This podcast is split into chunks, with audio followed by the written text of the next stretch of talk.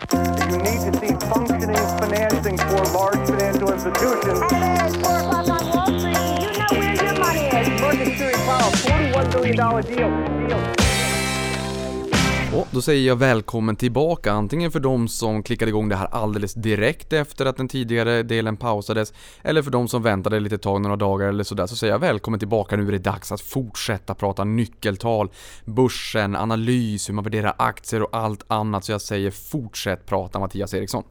Men du, eh, någonting som du tycker om, när man investerar då så handlar det kortfattat om två saker. Dels om att det är ett bra bolag och sen om att det ska vara tillräckligt lågt värderat. Eh, vad är ett bra bolag? Hög avkastning på investerat kapital, alltså hur effektivt använder bolaget kapitalet för att generera så höga vinster som möjligt. Ett jättebra mått.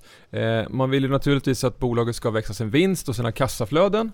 Det säger sig självt, sådana bolag som, som har väldigt hög tillväxt i vinst och kassaflöde, väldigt stabila sådana, eh, värderas oftast högt. Eh, så det får man ju ta med sig, men, men det i sig är ju oerhört viktigt.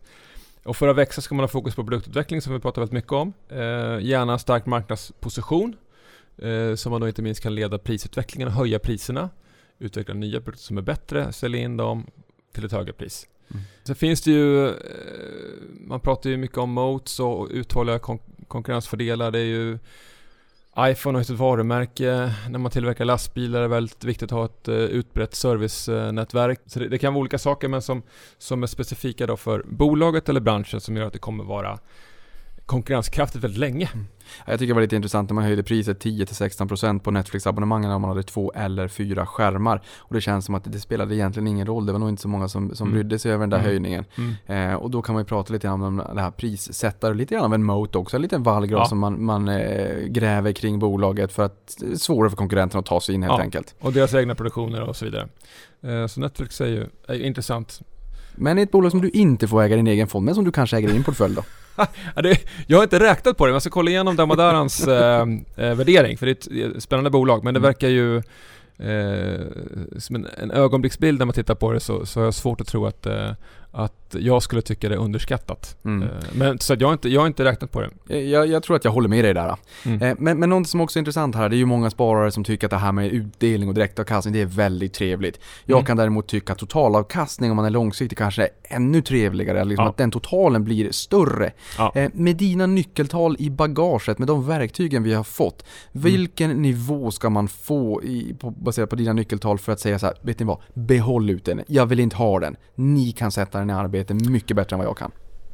Ja, det där... Eh, bolagen ska ju dela ut pengar någon gång för att vara värt någonting De måste ju ändå få del av, av eh, eh, vinsterna på något sätt. Sen tycker jag direktavkastning eh, är ju ett bra mått på så vis att det är mer stabilt än vinsterna.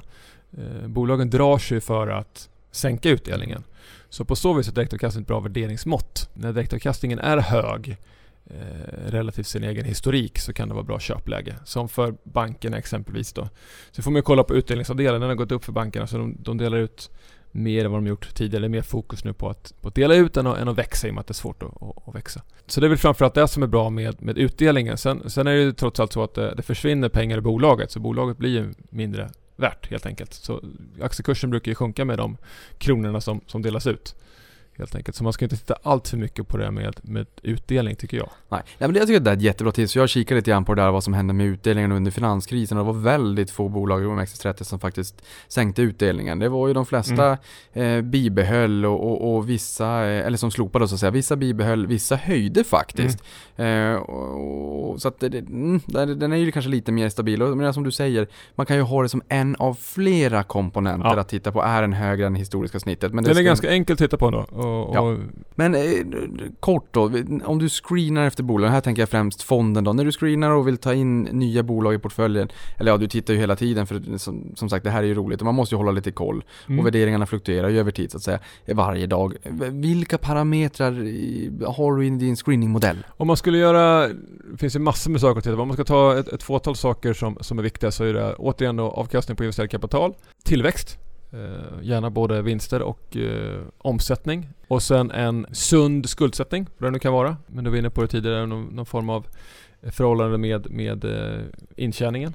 Och sen eh, en, en attraktiv multipel till att, till att börja med. Så man inte eh, ute och cyklar eh, redan från början. Utan att det finns fog att, att titta närmare på det. Mm. Och Du har ju också skrivit att börsen är manodepressiv. Mm. Eh, och- En drama queen. En drama queen och eh, överdriver både upp och nedgång och att det här ska utnyttjas.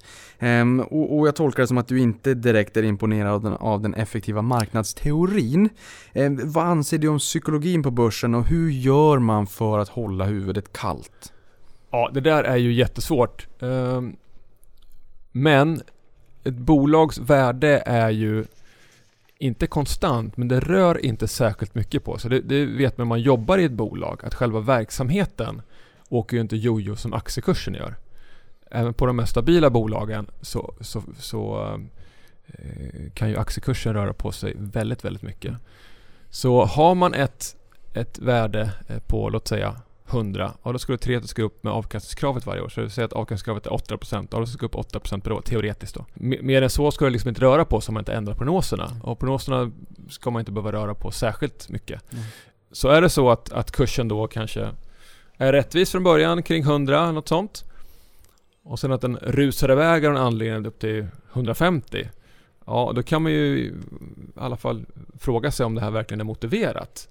Har bolaget verkligen ändrat sina förutsättningar så pass mycket så att de kommer tjäna betydligt mer pengar i framtiden? Ah, kanske inte, då ska man sälja. Och likadant om vi får då en, en, en allmän börskrasch och inte någonting som beror på att någonting har förändrats i bolaget självt eller i, i branschen den verkar och den kanske går ner till 50 kronor.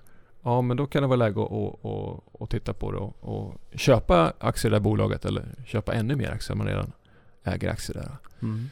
Så värdet i sig på ett bolag är ju någorlunda stabilt, ska man komma ihåg.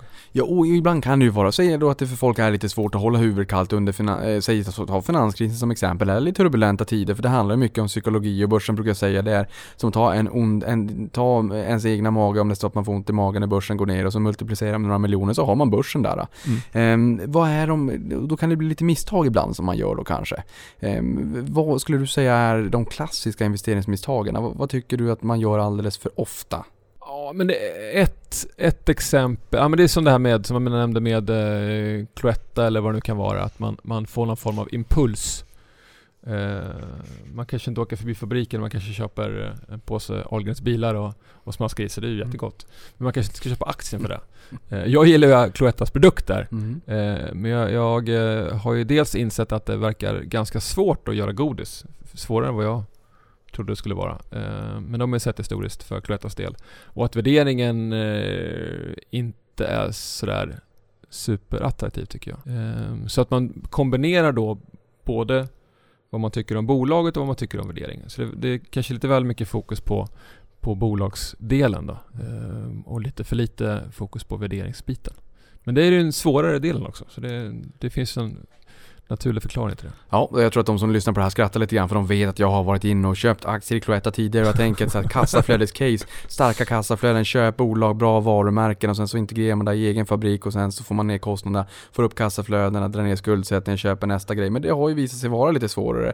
Ja, det, Ehm. på pappret skulle, det- borde det vara ganska enkelt. Ja. Eh, men i praktiken verkar det vara lite svårare. Men Ja. jag gillar också bolaget, men, Mm. men eh, så att jag vill gärna komma in lite billigare om det går. Mm. Ja men det Men det är ett bra. sånt bolag man kan köpa och blir det en generell krasch, då kommer ju äga, eller kommer man ju köpa godis ändå. Ja, alltså jag tänker det bolaget lite grann som matlagningsgrädde i en gryta. Det är ju inte cayennepepparn. Det är ju inte det roligaste bolaget. Det är inte de som ökar försäljningen till, till nästa år. Du och jag kommer inte ha dubbelt så Mm. stor godispåse. Mm. Men det blir den här lilla, trygga, tråkiga delen i en större portfölj. Men samtidigt så kanske man ska toppa laget bara med forwards så här riktigt, riktigt duktiga och kanske kapa den här lite, lite mera hålltätt bakåt-aktien då. Jag gillar ju Essity, Mm, mm. alltså som den ena delen av, av eh, SCA en gång i tiden. Eh, som gör toapapper och blöjor och binder och den, Mm. eh, den typen av produkter som kommer användas i både hög och lågkonjunktur.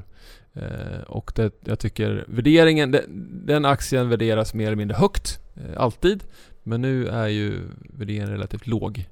Eh, faktiskt. Det, det är mycket fokus på massapriset, de är världens största massaköpare och då är det ja, allt för kortsiktigt fokus tycker jag på, på just den biten. Eh, och det där kommer bolaget kunna hantera med prishöjningar. Eh, dock med lite eftersläpning men ändå. Eh, så över tid så kommer eh, det här bolaget lev- levererar fantastiska kassaflöden, har jättestarka varumärken och marknadspositioner över hela världen och så vidare. Men är det då man kan säga lite grann att kvalitet kostar och att man snarare då kan, kanske ska titta på bolagets värdering i historisk bemärkelse och se vart värderingen Ja. ligger idag i förhållande till Ja. historien? Men också på egna meriter så är ju S1 ju billigt tycker jag, med, Mm. med, med, mot bakgrund av vilka kassaflöden de, de rimligtvis ska generera. Och som sagt, det, det är ju relativt enkelt att räkna på i och med att vi har en ganska stabil historik. Mm. Om man då utgår från att det kommer vara stabilt även framgent, vilk- vilket är rimligt att, att anta. Mm. Nu, nu gör vi så här, nu sätter vi oss på ett flyg och så flyger vi raka vägen ner i balansräkningen på ett bolag. Och där har vi någonting som kallas för goodwill-post. Och en goodwill-post vill du inte att den ska vara för stor. Och då undrar vi ju såklart, det har vi ju hört många gånger tidigare men vi vill ju höra first hand nu på första parkett från analytiker då. Varför? Jo men det, är- det är väl två anledningar framförallt. Att, att man åker på det där när man köper bolag. Eh, om man köper för mer än eget kapital, vilket man vanligtvis gör. Eh, och då får man en stor goodwillpost och det finns ju då eh, man prövar det här varje år, så revisorerna ska granska det. Eh, har man rätt antaganden i den här modellen? Eh, och det där är ju oerhört svårt i praktiken. Förr i tiden, eh, som jag minns då som är gammal gubbe, så hade man ju löpande avskrivningar på det här men det har man inte längre då sedan ganska må- många år tillbaka utan ska man då testa det här varje år. Ehm, och det är sällan man, man gör någonting åt det utan den, när man gör löpande förvärv så växer bara den här posten med större och större och större. Sen finns det ju hela tiden det här hotet då med om bolagen har förvärvat inte levererar enligt plan så ska man skriva ned. Så det hotet finns hela tiden. Sen är problemet då, jag som tittar på avkastning på investerat kapital där jag inkluderar goodwill så, så gäller det verkligen att du köper bolag till, till rätt värdering så att inte avkastning på investerat kapital går ner Mm. eh, för att du har dragit på dig allt för mycket goodwill. Så det blir svårt att generera en hög avkastning på kapitalet Mm. om du köper på dig allt för mycket goodwill. Det blir liksom luft i balansräkningen. Mm. Ja exakt, och det där luft och balansräkningen vill du inte ha. Det, det hör man redan på, på ordet att det, det låter lite jobbigt. Så den typen av bolag passar jag mig för. Mm. Utan jag vill helst se organisk tillväxt. Sen i vissa fall, i vissa branscher, Mm. så behövs den konsolideras. Och då behöver man göra, som marknadsledare så behöver man gå in och göra vissa förvärv och, och, ta en större bit av kakan. Eh, för vissa branscher är alltför fragmenterade, så det är inte, det är inte sunt. Så det finns både godartad och elakartad goodwill kan man ju säga. Jo, Mm. eh, absolut. Men det gäller oavsett att man fortsätter att förbättra avkastning på investerat kapital. Gör man inte det, Mm. Då har man förmodligen gjort de här förvärven till, till för hög värdering. Mm. Men du Mattias, eh, vart hittar du själv inspirationen till när du följer börsen? På, på daglig basis eller på, daglig behöver inte vara, men på löpande basis? Vart vänder du dig? Jag tycker årsredovisningarna är eh, fantastiska, de svenska årsredovisningarna. Eh, Det finns ju hur mycket information som helst. Kvartalsrapporterna är ju lite, ja det är mer löpande uppdateringar. Sen läser jag en hel del analyser. Jag har ju förmånen att få, man får ju betala dyrt för det. Eh, Eller har man ju alltid fått på ett eller annat sätt. Men, men det är ju oftast rolig läsning, bra idéer. Eh, analytikerna är ju jätteduktiga. Eh, så det är också bra. Och sen finns det ju diverse eh, information, inte minst på Twitter. Eh, så det, det gäller ju mer eller mindre att, att sålla. Förut var det ju Förut var det ju viktigt med, med den lilla informationen som, som fanns. Nu finns det ju ett överflöd av information. Det gäller ju mer att sålla. Eh, Ja det, det är ju verkligen ett informationsöverflöd och det här bruset är ju inte kanske jätteenkelt att sålla. Vi är ju kanske inte vana, våra barn kanske blir mer van vid det men, men, men eh, man är ju inte riktigt kittad för att sålla med allt brus Så jag har, jag har ju tittat mer på de som klassiska, mycket, mycket årsredovisningar. Mm. Och, och sen är förmånen att träffa rätt mycket bolag. Och de större bolagen eh, är ju väldigt duktiga på sin kommunikation. Så om man hårdrar det kan det i vissa fall bli som att eh, lyssna på någon som läser upp ett pressmeddelande. Mm. De mindre bolagen eh, där man inte kan verksamheten lika bra eh, kan man ha mer intressanta diskussioner med då för att de gärna vill berätta vad de gör och hur branschen ser ut och så vidare. Eh, Så det, jag försöker träffa lite, lite mindre bolag för att få eh, ja, lite bättre förståelse för eh, både bolag och bransch. Mm. Eh, de större bolagen hänger med mer, mer i nyhetsflödet, Mm. Dagens Industri och, och vad det kan vara. Mm. Och en avstickare på den, läser du vd-orden? Ja, absolut. Hur mycket tyngd lägger du vid, vid dem? Jag menar de som inte ens skriver sina egna vd-ord själv, det är ju lite tråkigt. Kan jag tycka. Ja, så finns det också eh, många styrelseordförande som skriver eh, någon sida också som, Mhm. som är intressant. Ehm, ja, men det, där, det där varierar, men, Mm. men man har ju chansen där att ehm, förklara vad man, vad man vill, ja, man lyfta fram det man tycker är eh, viktigt. Ehm, Lägga på sen, lite, sen kan det bli rätt mycket floskler också, Ja. eh, å andra sidan. ja, jag tänker ju så här, bara lägga på lite ludd på och, och lull-lull på, på alla siffror och allt det där hårda för att försöka förklara Ja. och få en liten Ja. annan Ehm, Men, men, ja det får inte bara vara floskler. Nå, någonting som är väldigt viktigt, som, som vi inte har pratat om hittills, Mm. det är ju att prata med bolagens kunder. Det är ju det viktigaste av allt. Ja. Så det är en oerhört viktig eh, del av analysen och, och underskattad. Det är sällan, nästan aldrig, som man får en analys där man liksom gått igenom vad, vad bolagens kunder tycker om om det här bolaget. Nej det där är lite intressant för det vet jag Johan Thorén på Strand Han, han, åkte, han ringde upp till en kund till Eltel och frågade när de kom in på börsen. Det var ju ingen Mm. rolig historia. Han Nej. fick en helt annan bild och avstod där i det fallet och efter att ha pratat med en kund till bolaget. Eh, Gör du också lite grann så här ibland? Menar, det är ju en jättebra, eh, det, det är en tänkvärd input. Ja. Eh, och, och, och det känns både sunt och logiskt, man borde göra Ja, nästan, nästan mer. Ja. Konsumentrelaterat, mycket enklare. Andra branscher kanske inte lika enkelt. Men, Nej, då kan det vara svårt. Eh, Men det är ju det, det, är det bästa sättet att förstå bolaget på och prata med, med bolagets kunder. Eh, Och då förstår man ju branschen också. Hur tänker man som inköpare när man ska jämföra olika... Om man ska nu ska köpa en, en mjukvara eller en maskin eller vad det nu kan vara. Liksom, hur tänker man då? Då tar man in olika offerter. Och vad är det som är viktigt då?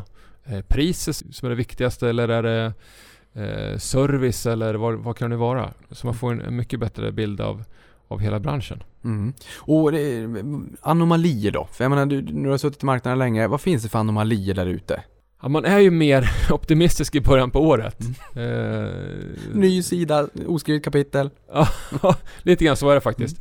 Vad kan det finnas mer? Vad har du mer där? Ja men utdelningssäsongen tänker jag Ja. på lite grann, för vi är ju där precis nu när vi spelar Ja. in det här och Ja. även fast man har delat upp utdelningarna lite grann, men stiftelser, institutioner, är det inte så att po- po- positionerar man sig inför utdelningssäsongen fortfarande? Ja men det tror jag en del ändå gör.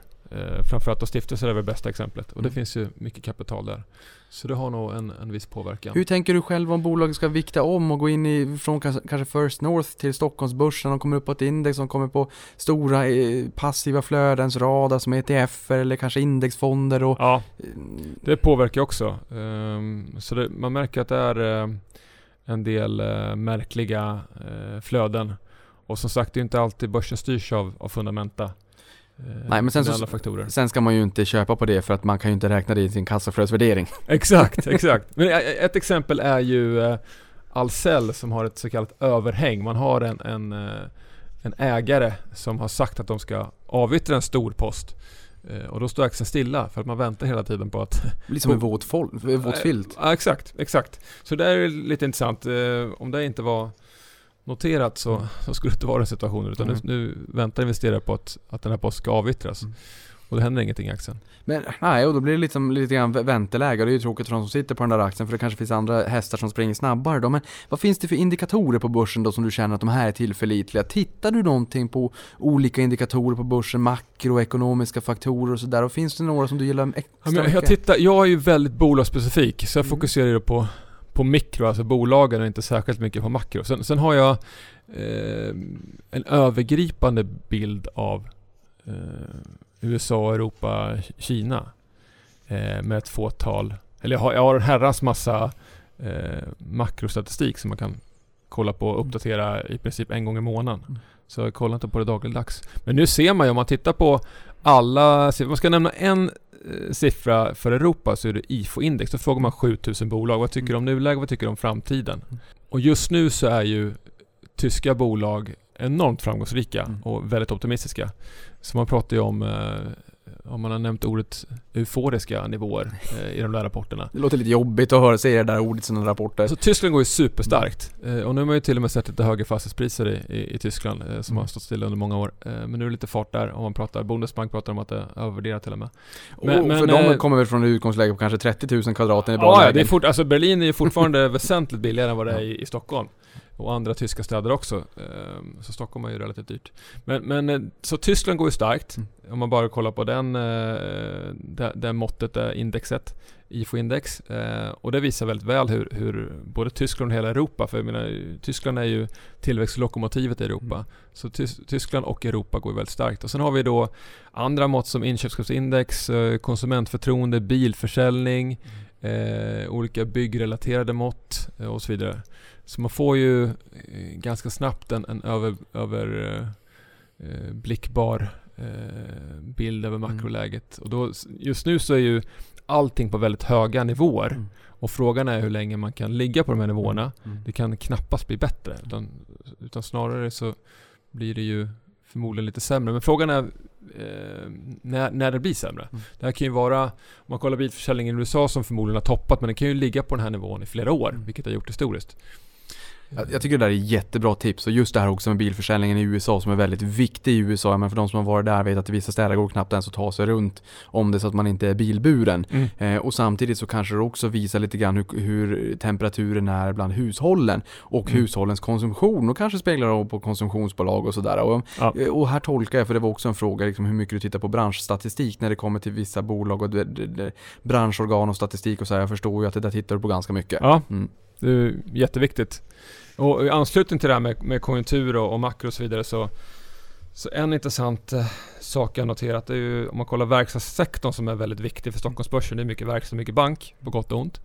Ehm, och bankerna är ju, är ju billiga att dra ner liksom P talet för börsen och, och verkstadsbolagen är mer eller mindre dyra kan jag tycka. Mm. Men, men där sticker ju Volvo ut som, som handlas till oerhört låga multiplar. Och, och även om man räknar kassaflöden tycker jag det är eh, relativt förlåtande den värderingen. Mm. Och där tror man ju då med andra ord att, att konjunkturen ska toppa, eller deras efterfrågan på, på deras produkter ska, ska toppa i år. Mm. Medan då andra cykliska bolag, eh, vi säger då Atlas Copco och Sandvik, Mm. eh, kommer kunna rida på en, en eh, längre konjunkturuppgång så att säga. Sen har ju de olika eh, verksamheter, gör olika Mm. saker, men det underliggande är det ju ändå samma BNP, globala BNP-utveckling som, som styr efterfrågan i grund och botten. Ja men det är jätteintressant för det är då så att P talet är lite lägre på det här bolaget men faller vinsterna då stiger ju P talet allt, allt annat lika och då tar man ju hänsyn till det här för börsen är framåtblickande. Mm. Eh, Bra medskick där. En annan är ju också när det kommer till analytiker analytikerbranschen eh, såg jag här att 2016 så, så bottnade alla verkstadsbolag i Sverige. Lite olika datum, men kring den 20, 21, 22, 23, 24, 25 där någonstans. Där toppade, eller inte toppade, bottnade i princip hela, hela sektorn. Och det dröjde ett år fram till egentligen januari, februari, mars 2017 innan Mm. det bara regnade in eh, höjningar och höjda riktkurser från Ja. egentligen alla. Hur pass, eh, hur pass vanligt tror du att det är att man faktiskt vågar köpa när det gör som ondast och skickar ut och går lite motvalls och säger köp nu kontra hur mycket är det följa John i, i analytikerbranschen och man, man höjer liksom när man ser att det börjar materialiseras? Ja, det, det, det är nog mycket följa John eh, överlag. Eh, just det där med verkstadsuppgången där, det är faktiskt eh, papper på att jag sa köp där på botten. Ja, bra där! Det får, det får du googla på. Någon gång har jag lyckats i alla fall. Jo, Nej men, det, det är ju det, det är mycket fokus på, på framförallt verkstad och, och bank som sagt och, och eh, det är klart att det är en, en utmaning att vara motvallskärring men det kan ju det kan ju löna sig också. Eh, sen är det de där turnaround, man kollar liksom turnaround-kandidater som, som verkligen kan gå, gå mycket på, på kort tid. Där, eh, om, om verksamheten vänder. Det, det är lite hög risk och, och svårare. Eh, så det, det bästa är ju egentligen att köpa bra bolag som levererar idag. Eh, Men det svåra där kan ju vara att värderingen är väldigt hög och då kanske det gör att det inte finns så mycket uppsida kvar. Nej, och här vill jag också säga, jag menar, det här är inte på något sätt för att bäsa analytikerkåren. Jag menar, jag förstår ju att de är oerhört duktiga på de bolagen de följer. I och med Ja, att man följer ett, verkligen. ett, ett få, få fem, fem, tio bolag kanske. Tio kanske i högsta laget då så att säga. Men det betyder ju inte att man har en spåkula för precis när tajmingen är den rätta. Men man har förmodligen stenkoll på bolagen. Ja, det är Eh, det primära för dem. Att ja. ha koll på bolag och bransch. Och inte lika mycket på aktien tycker jag. Ja men precis. Bara, bara för, att jag inte ska, för att ni inte ska tro att jag går hårt åt dem, det gör jag verkligen inte. Utan jag imponerar snarare över kunskapsbanken de sitter på. Eh, hur viktigt är det med en stark ägarbild i de bolagen som finns där ute som vi investerar i? Ja men det är ju en, eh, trygghet. Framförallt att ha en ägare av kött och blod som, som driver verksamheten och bryr sig om verksamheten. Det gör ju skillnad. Jag vet min eh, gamla kollega Mats Andersson på Nordea som har en väldigt eh, framgångsrik eh, nordisk småbolagsfond. Mm. Han äger ju många bolag, eller de flesta bolag där i, i portföljen som, som har just ägare av kött och blod. Mm. Så det är ju någonting verkligen att titta på. De bolag, om man tittar historiskt, så har ju de utvecklats väl. Går det att, går det att, peka ut någon här eh, som, man, som du tycker är extra duktig? Antingen eh, kanske någon kollega i branschen eh, vid sidan av din fond så att säga, någon kollega i branschen som är duktig på att välja bolag eller kanske någon, någon riktigt duktig företagsledare och till lika stora ägare som du känner att här, då här har de verkligen levererat riktigt bra över tid. Det investmentbolag som jag tycker eh, lyckats väl och som jag tittar på, det är ju Latour. Ja, det är Stockholmsbörsens bästa investmentbolag sedan 85. Ja, så de, de, gör ju, de gör ju någonting eh, rätt uppenbarligen. Eh, så när de är eh, äger ett bolag, så då, då tittar jag på det i alla fall. Mm. Intressant, han Jan Svensson där avgående vdn gästade den här podden i avsnitt 10 och jag tror att de är uppe på en 23-24% i, av, i årlig avkastning sedan 85 då så att det, det är ju världsklass. Det kan man ju Ja. inte säga någonting om. Eh, ja, men du, vi- börjar sakteligen att eh, närma oss slutet och du som lyssnar på det här också inser att vi, vi gör en, en tvåstegsraket av den här och, och eh, det har vi ju redan gjort, det, det har du redan märkt innan du börjar lyssna på det här avsnitt nummer två då. Men eh, finns det några bolag som är med, mer spännande just nu där vi befinner oss i konjunkturen? Nu den här konjunkturen och investeringsklockan och allting, det är ju jättesvårt med tanke på, på omständigheterna, omständigheterna med lågt ränteklimat och allt vad det är. Men eh, vad är bra nu? Ja, 10 000 kronors frågan. Ja. Ja, men jag har ju hela, jag har ju förvaltat den här fonden i nästan ett år. Under hela den ehm, perioden brottats med verkstadssektorn. Och då tycker jag det finns eh, två underskattade bolag i, i Volvo och SKF ibland som är tyngre verkstadsbolagen. Så den sektorn tycker jag är svår och den är väldigt viktig för Stockholmsbörsen. Utan jag har ju en ganska stor andel av eh, stabila defensiva bolag med förutsägbara kassaflöden som Essity som vi har pratat om, eh, Atea som är en, en hårdvarudistributör, norskt bolag eh, som också har stabila kassaflöden och, några till där som, som är relativt trygga. Och de går ju sämre än börsen när börsen stiger. Så liksom risken så att säga relativt index, om man nu ska prata om det där jävla indexet, så, så eh, är ju då risken från det här perspektivet att, att verkstadssektorn går väldigt starkt. Mm.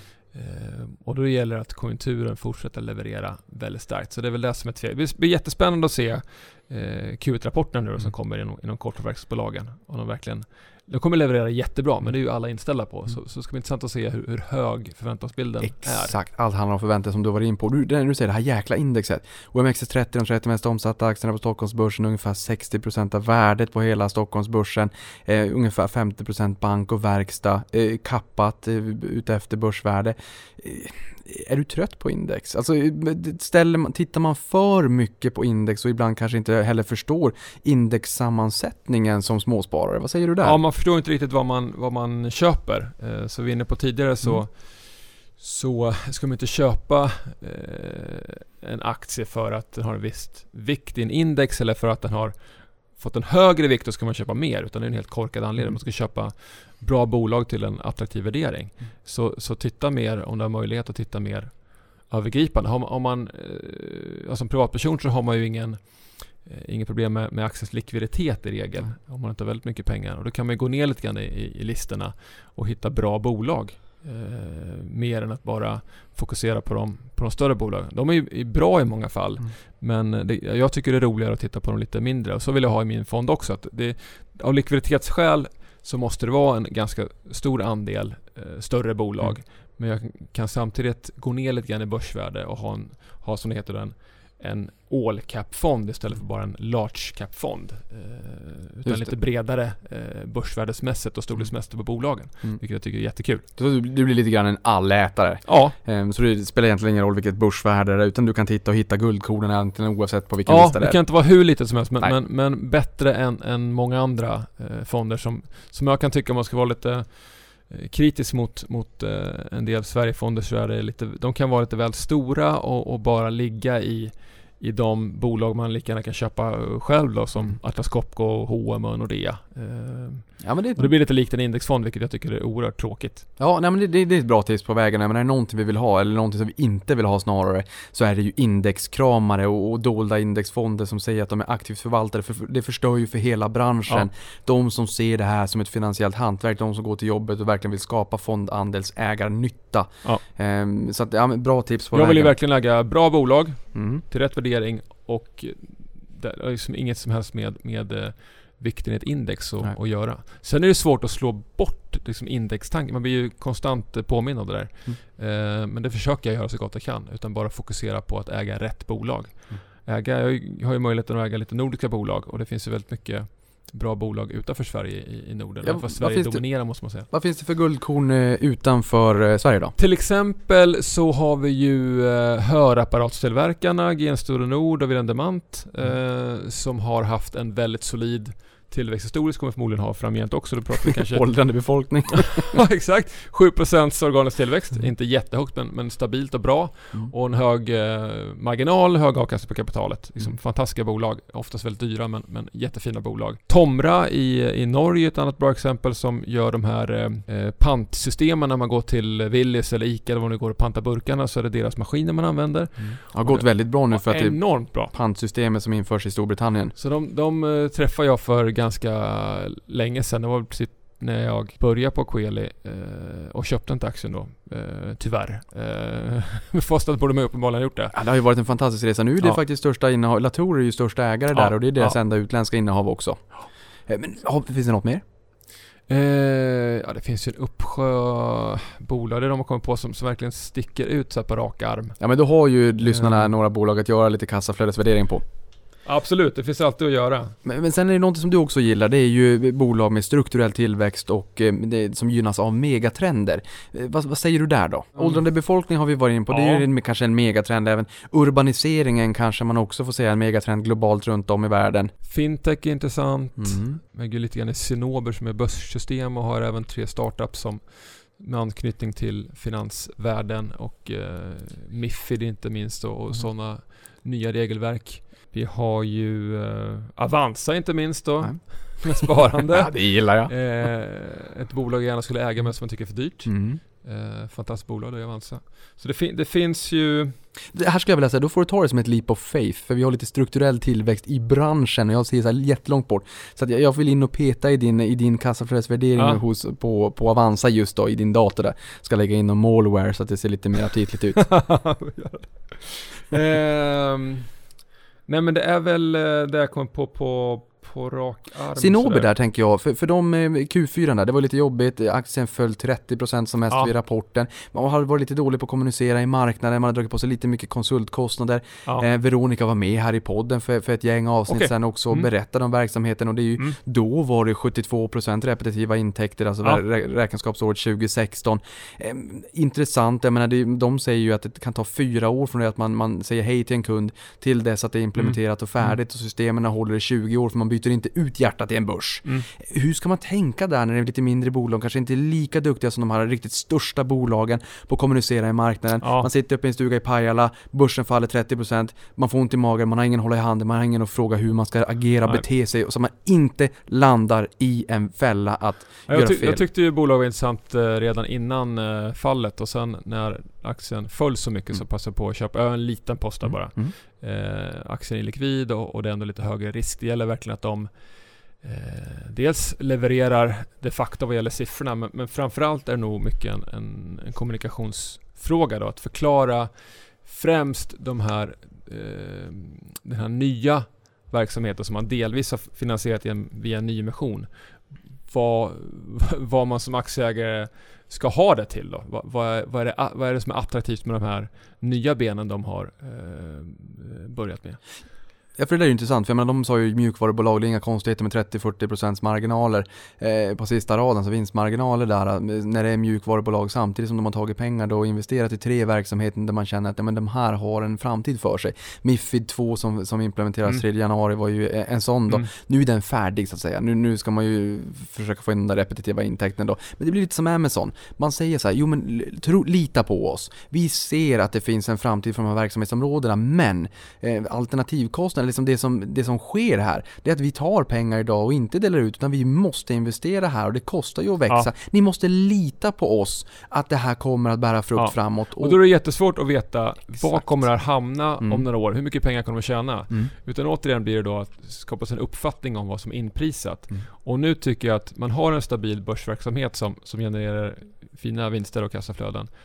Eh, och den tycker jag är värd bara den är värd mer än, än eh, bolagets marknadsvärde nu. Så de övriga verksamheterna har ett negativt värde och det tycker jag är lite väl pessimistiskt. Mm. Sen har inte jag någon stark uppfattning om exakt vad de benen ska vara värda. Men det borde vara värt mer än så här. Ja, och det är lite intressant. Jo, och du som lyssnar på det här, det här är ju ingen rekommendation på något sätt, men jag gillar ju fortfarande just argumentationen och försöka och lyssna till och förstå hur du argumenterar när det, när det kommer till ett bolag. Cinnober i det här fallet Ja. då i, i synnerhet Det är ju relativt svårt ska man ju komma ihåg. Ja. Eh, Det finns ju enklare bolag att analysera än, än just Cinnober men, men eh, Och i och med att marknaden är svår så kanske också det är en del av deras affärsmodell, att det är ganska komplexa säg, grejer de ja, säljer som... ja, och det gäller att förklara det för marknaden varför man ska eh, investera i den här typen av, av verksamhet på ett pedagogiskt sätt och det är ju en utmaning. Mm. Då är två sista frågor då. Det är dels vad tycker du om bostadsutvecklarna just nu? Jag kommer ha en bostadsutvecklare här i podden snart också. De har gått Mm. ner en 50%. Oscar och Tobin Properties fallit desto mer, men det är premiumaktörer. Inte premium i förhållande att kvaliteten är bättre på dem, men det har ju varit premiumsegmentet. Ja, De flesta är ner 50%. Ehm, va- Ja, köp, det, som, det som jag tycker är mest intressant om man ska ta lite, lite risk. Det verkar ju som att priserna är aningen för höga, inte minst då på nyproduktion. Eh, nyproduktion, pris på nyproduktion och begagnat så att säga brukar vara ungefär likvärdigt men nu har ju begagnatpriserna gått ner medan nyproduktionen inte gått ner lika mycket än så länge då, så det borde finnas en nedsida där. Eh, men det är framförallt Oscar Properties som kanske Eh, nu kan jag inte göra de detaljerna, jag ska inte säga allt för mycket men, men man får i alla fall intrycket av att de, de kanske har spelat lite högt där. Eh, utan jag skulle gå lite mer på eh, Beskab och eh, JM. JM är ju giganten som, om man kollar då finanskrisen, då gick aktien ner 90% ska man komma ihåg. Eh, men själva verksamheten hade ju egentligen ett, ett tufft år, så kom man igen. Eh, så verksamheten kommer kommer eh, överleva och, och, och på sikt så kommer man göra bra ifrån sig. Men det är just hur, hur länge man orkar hålla i den här fallande kiven så att säga. Hur, hur ont det gör under nedgången. Mm. Och det är mycket sentimentstyrt så det är svårt. Mm. Eh, men JM kommer verksamhetsmässigt klara sig bra. Beskab har ju så stor kassa. Mm. Eh, och bostäder som är rätt prismässigt. Eh, om man då jämför med Oscar Properties exempelvis. Som, som gör att de bör kunna klara sig bra också.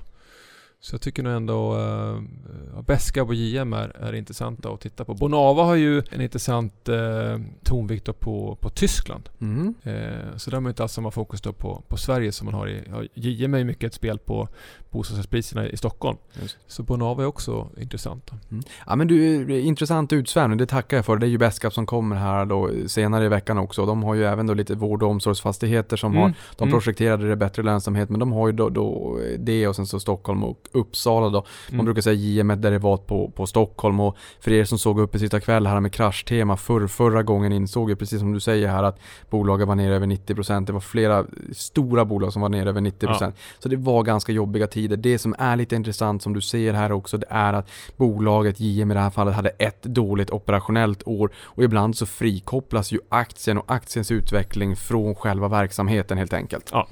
Eh, Best of breed companies. Eh, vad har du för bolag som du tycker är de absolut bästa, klarast lysande stjärnorna där ute kontra vilka bolag tycker du är lite missförstådda? Den frågan avslutar vi med.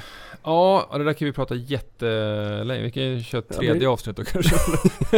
men men eh, det, det finns ju... Ja, men jag, jag ska hålla mig till, till eh, bolag jag själv äger. Man kan ju, man kan ju söva ut som sagt, eh, prata enormt mycket om, om eh, ja, bra bolag generellt. Eh, mitt största innehav var ju Hoist. De köper avskrivna fordringar, alltså konsumentlån. För i regel mellan 5 och 25 procent av värdet. Driver in dubbelt så mycket över en tioårsperiod om man ska förenkla det. Eh, så köper man portföljen då, eh, den här kreditstocken, till rätt pris. Vilket de gör i och med att de har 20 års erfarenhet av det här. Eh, så tickar det in, eh, man, kunden betalar mellan ja, 20-25 euro i månaden i regel. Så tickar det in kassaflöde på ett fantastiskt fint sätt. Man får hög avkastning på kapitalet, närmare 20% och en, en rörelsemarginal på närmare 40%. Så en fantastisk business om man, om man kan den och gör rätt. Annars kan man hamna helt snett. Men eh, Hoist gör det på ett väldigt bra sätt. Fått in en ny, väldigt välrenommerad VD alldeles nyligen. Eh, så jag tror att det finns, eh, att det, ja, det, aktien har ju kommit ner och, och har en väldigt eh, försiktig värdering Tycker jag då. Så det, det är mitt största innehav. Frågan på den då, för där har vi ju i sammanslagningen gamla Intrum Justitia och Lindorf nu Intrum med VD Mikael Eriksson och där hade man ju kanske sett att då snarare Hoists VD skulle bli VD Ja. för det här bolaget Ja. istället. Nu kom de in nu på morgonen också förvärvade i Italien. Eh, aktien gick upp ganska mycket på det beskedet, runt 12%. Aktien har varit ner ganska mycket. Jag tycker att vi har varit in lite grann på att ägare av kött och blod kan vara rätt vettiga. Eh, Ja. Intrum Justitia har aldrig haft ägare av kött och blod men de har lyckats ändå med duktig VD och duktig Ja. finanschef. Nu har det varit lite stiltje. Eh, Kan du, för de som lyssnar på det här och sitter på Intrum då, för nu går du ju liksom, nu gick du ju till Hoist som är antingen eller lite grann i den här skilsmässan eller sammanslagningen kontra Mm. skilsmässan, antingen Intrum eller Hoist. Eh, Jag, jag tycker ju eh, att Intrum är ja, helt förstört efter sammanslagningen. Då är vi ense. Bra! Bo, Jo, jag ska bolaget förklara- är Jag ska fint prata men... gärna om, om goodwill. Man har plockat på sig Mm. enormt mycket goodwill, Mm. vilket är nu inte Intrum en, en bank. Det är eh, Hoist är ju reglerad av Finansinspektionen. Eh, det är inte Intrum. Intrum har en bredare verksamhet. Hoist köper bara avskrivna fordringar. Så det, det är en viss skillnad på dem, men de är delvis i samma eh, segment. Eh, så Intrum tog på sig på tok för mycket eh, goodwill. Eh, så de hade en hög och växande avkastning på investerat kapital som vi har tjatat så mycket här under sändningen. Eh, men som gick ner till ja, 4, kanske 5%. Så den är för låg. Det är inte investeringsbart. Eh, helt enkelt då. Eh, så det, det, det är farligt, eh, inte minst i den sektorn, att- köpa tillgångar på det sättet. Och nu förvärvet då som kanske man köpte lite dyrt här på morgonen också. Jag menar, jag, jag, min, min eh, mening här är ju att VD är ersättlig och går det Mm. nog länge så Mm. hoppas jag att VD faktiskt lämnar sin post och sen så får någon annan ta över istället och skapa lite aktieägarvärde där. Eh, men det blir ju lite Och jobbigt. CFOn Erik Forsberg hade ju väldigt högt anseende som tyvärr då Slutar. Mm. Och VDn där innan, eh, jag tappar namnet på honom. Lars Wollung. Exakt, han var ju också, när han försvann så försvann ju eh, det som var bra med Intrum skulle jag vilja säga. Han genererar 330% på sju år där. När han Ja, så det var ju ett, eh, ett av de bättre bolagen på Stockholmsbörsen eh, innan sammanslagningen. ja, nä, nästa bolag då? Eh, ja, eh, vi, kan, vi har pratat lite om ST, tycker jag också en av de bästa tillgångarna som finns på, på Stockholmsbörsen. Det är svårt att hitta, det är mycket bank, mycket verkstad som sagt. Mm. Eh, att hitta de här bolagen med väldigt stabila kassaflöden, starka varumärken, eh, starka marknadspositioner globalt. Det finns ju en, en, en del sådana på, på Stockholmsbörsen men det brukar oftast vara av mer cyklisk natur. Här har du ett bolag som, som är fantastiskt eh, starkt eh, globalt men har stabila kassaflöden över tid. Och nu tycker jag liksom värderingen dessutom är, förlåt, så jag har liksom en, en, en stor stek i, i Essity. Eh, Autoliv har varit en fantastisk resa, fantastiskt bolag. Nu har ju värderingen kommit upp. Eh, inte lika spännande men, men nu får vi se vad som händer med framförallt då den här elektronikdelen, Mm. aktiv säkerhet med Veoneer, om det kanske till och med kan bli uppköpt då Mm. eh, innan särnoteringen här under Q3. Aktien har stickit upp mest i OMX30 i år. Följer du Ja. med Autoliv eller Veoneer eller kör du båda två? När det sker? Jag, jag köpte ju Autoliv för... Ja, det, det var mycket, det var ju tydligt eh, missuppfattat. Eh, I och med att det var så mycket... De, Takata, deras närmsta konkurrent, imploderade. Så kunderna blev desperata att få leveranser av krockkuddar och, och säkerhetsbälten.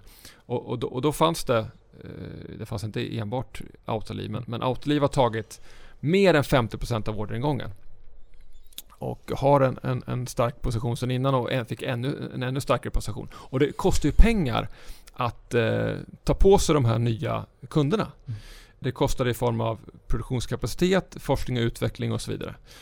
Men det är ju positiva kostnader. Men eh, när man kollar, lyssnade på eh, telefonkonferensen i samband med rapporterna så var det väldigt mycket, framförallt då, eller nästan uteslutande, eh, frågor från USA, amerikanska analytiker som, som klagade på det här. Så man fick helt fel fokus.